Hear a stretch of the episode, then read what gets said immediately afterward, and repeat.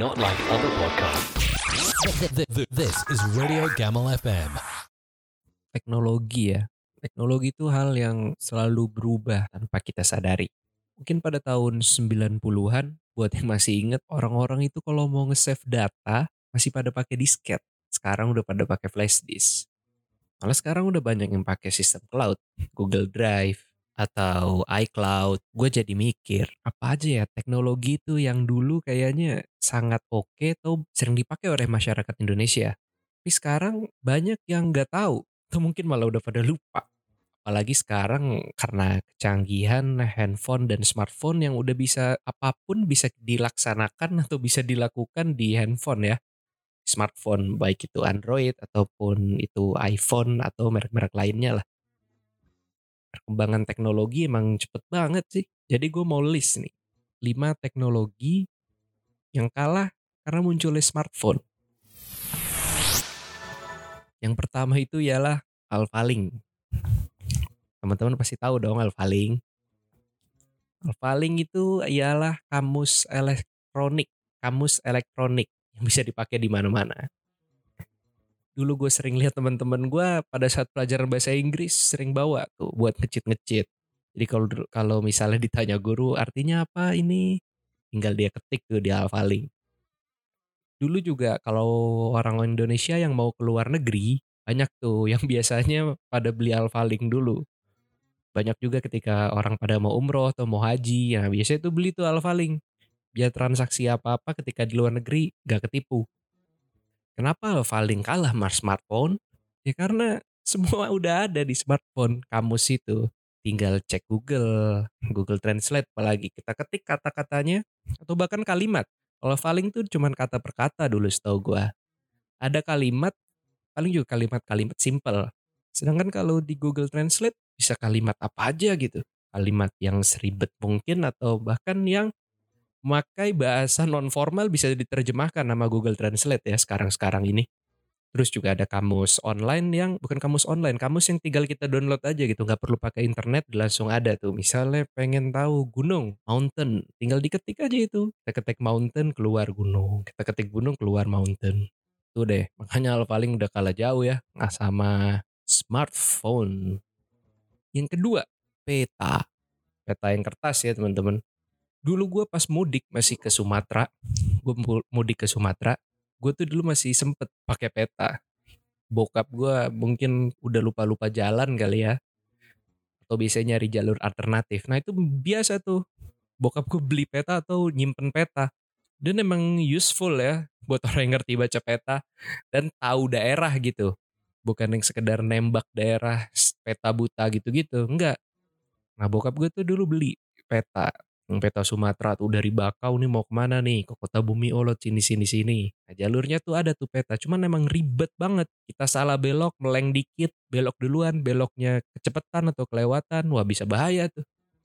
Pakai peta emang dituntut mesti teliti dan cekatan sih kalau misalnya kita pakai peta kertas segitu. Dengan ada smartphone jarang orang yang mau beli peta lagi. Dulu tuh biasanya kalau kita mudik di pelabuhan itu ada yang jual peta sekarang tinggal buka handphone aja. Google Maps, Apple Maps, Waze, apa pun itu. Mau ke Senopati, nggak tahu jalan, tapi kita pengen ke Senopati, tinggal ketik di Google. Senopati. Mau pakai motor, pakai mobil, kendaraan umum, busway, kereta, ada semua di Google sekarang, Google Maps. Integrasinya emang udah parah banget. Parah banget hebatnya ya, bukan parah banget jeleknya. Dan emang lebih useful digunakan dan lebih cepat juga dibanding peta. Dibandingkan nanya-nanya ke pedagang-pedagang pinggir jalan dengan pakai Google Maps atau Apple Maps atau map, map Maps Maps lainnya. Terus juga kita sekarang janjian sama temen, terus kita nggak tahu nih mau ke mana, jalur rumah teman kita, minta tolong teman kita aja, bro, Sherlock dong. Di Sherlock udah diikuti dari Google Maps.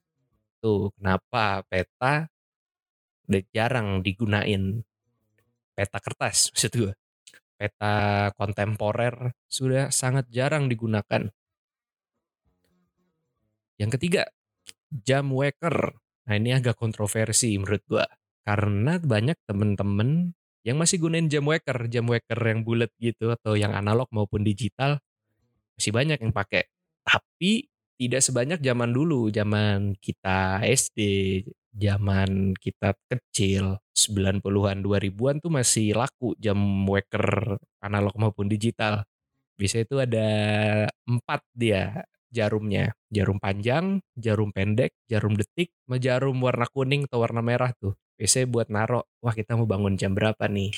Jadi ketika nanti jarum pendeknya kena ke situ, nah nyala. Kring, kring, apalah bunyinya. Kenapa dia udah nggak dipakai? Ya karena emang udah ada handphone semuanya. Suaranya juga kencang banget handphone, bisa disetelnya combo lagi. Kalau jam waker kan waktunya cuma bisa satu tuh. Sedangkan kalau di jam handphone, baik iPhone maupun Android, smartphone, tinggal kita list aja tuh. Biasanya tuh buat teman-teman yang susah bangun di listnya 430, 435, 440, 445, sampai jam 5. Tiap 5 menit ada jam wakernya, alarm. Ya udah jelas sih kalau itu kenapa kalah karena lebih fleksibel aja. Dan nggak perlu kelupaan buat nyeting. Dan nggak perlu kalau baterainya habis juga nggak perlu kita ganti-ganti. Kalau dari smartphone kan udah dicas terus handphone tiap hari. Yang keempat ialah modem. Modem. Dulu siapa sih yang mau internetan, wifi masih jarang, handphone belum bisa tethering, semua pakai modem. Modem tuh dulu yang masih pakai kartu, bentukannya tuh kayak kartu panjang, persegi panjang tuh modem, masukin ke pinggir laptop. Tuh baru modem internet. Masih pakai kuota, kuotanya dulu cuma segiga, dua giga, tuh bahkan 500 MB untuk sebulan. Ketika kuotanya udah habis, biasanya itu unlimited. Tapi dalam bandwidth yang lebih kecil, sangat kecil malah. Terus muncul lagi modem yang udah pakai flash disk. Bentukannya kayak flash disk USB tinggal colok terus dalamnya ada SIM card. Nah itu juga sama tuh, cuman 500 MB segiga 2 giga habis itu unlimited tapi bandwidthnya kecil. Sempet laku itu buat teman-teman yang dulu mengerjakan tugas memakai laptop, internetan di rumah, kayak laptop atau mungkin pakai komputer, kayak PC, gak, belum ada wifi, akhirnya pakai modem. Cuman modem kalah dengan adanya wifi. Wifi emang asli sih enak banget gitu. Dengan model smartphone aja nggak bakal bosen udah ada wifi. YouTubean, main game. Itu bahkan cuman browsing, surfing di sosial media udah enak banget. 2 giga itu mungkin 2 giga sehari doang kalau untuk orang-orang zaman sekarang. Buat temen-temen yang sering buka YouTube apalagi bisa satu jam atau setengah jam juga udah habis. Gak kangen sih modem karena cepat banget dulu kita buka Facebook, buka YouTube udah habis videonya. Terima kasih WiFi sudah datang ke, ke dalam dunia teknologi Indonesia. Terus yang terakhir, CD dan DVD. Ini juga masih mungkin masih banyak nih teman-teman yang masih make CD dan DVD. Mendengar dulu. Dulu kita tuh beli CD, beli DVD buat dengar musik, buat nonton film, tuh bahkan buat save data atau nge-save lagu mungkin. Tapi sekarang mau denger lagu udah nggak perlu pakai CD. Ada platform streaming juga yang udah di mana-mana, Spotify, Apple Music. Tinggal colok ke mobil, colok headset, Bluetooth, bisa kita denger lagu apa pun tanpa dibatasi dengan kapasitas dari CD atau DVD untuk mendengarkan lagu yang kita suka.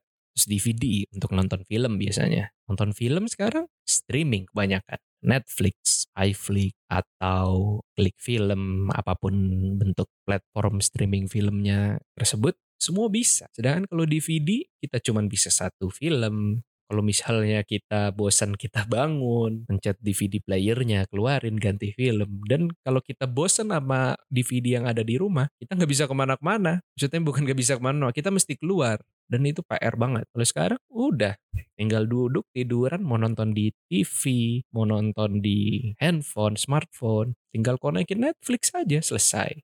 Cuman VCD, DVD atau CD masih banyak yang make. CD itu biasanya buat yang kuliah, yang kampusnya masih agak jadul. Biasanya tuh kalau skripsian masih ditanyain tuh mana burningan datanya. Burning Padahal bisa ngasih flash disk aja atau nggak kirim email ke email kampus ya. Yang masih gue pertanyakan sampai sekarang. Kenapa harus ngeburning CD gitu? Harus data fisik kan menu-menuin tempat. Mendingan naruh di cloud aja. Atau naruh di server atau naruh di hard disk kampus gitu. Nggak perlu menu-menuin tempat. DVD juga banyak. Tapi DVD biasanya buat teman-teman yang masih main PS.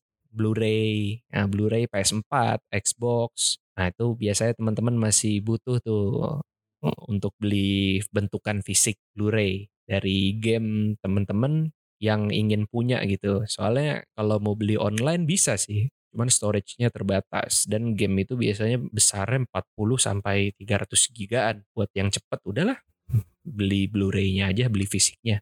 Dan juga teman-teman yang masih suka masih suka koleksi bentukan fisik dari musisi atau film yang teman-teman suka. Kayaknya kalau teman-teman yang pengen ngerasa punya gitu, ngerasa punya mus, pengen ngerasa memiliki musik dan film yang teman-teman suka, itu biasanya ada rasa kepuasan tersendiri. Itu sih menurut gua. Kaset juga udah lama tuh, udah jarang yang masih denger kaset. Tapi beberapa musisi tuh beberapa artis masih ada yang ngeluarin bentuk fisik kaset. Biasanya sih bentuknya terbatas.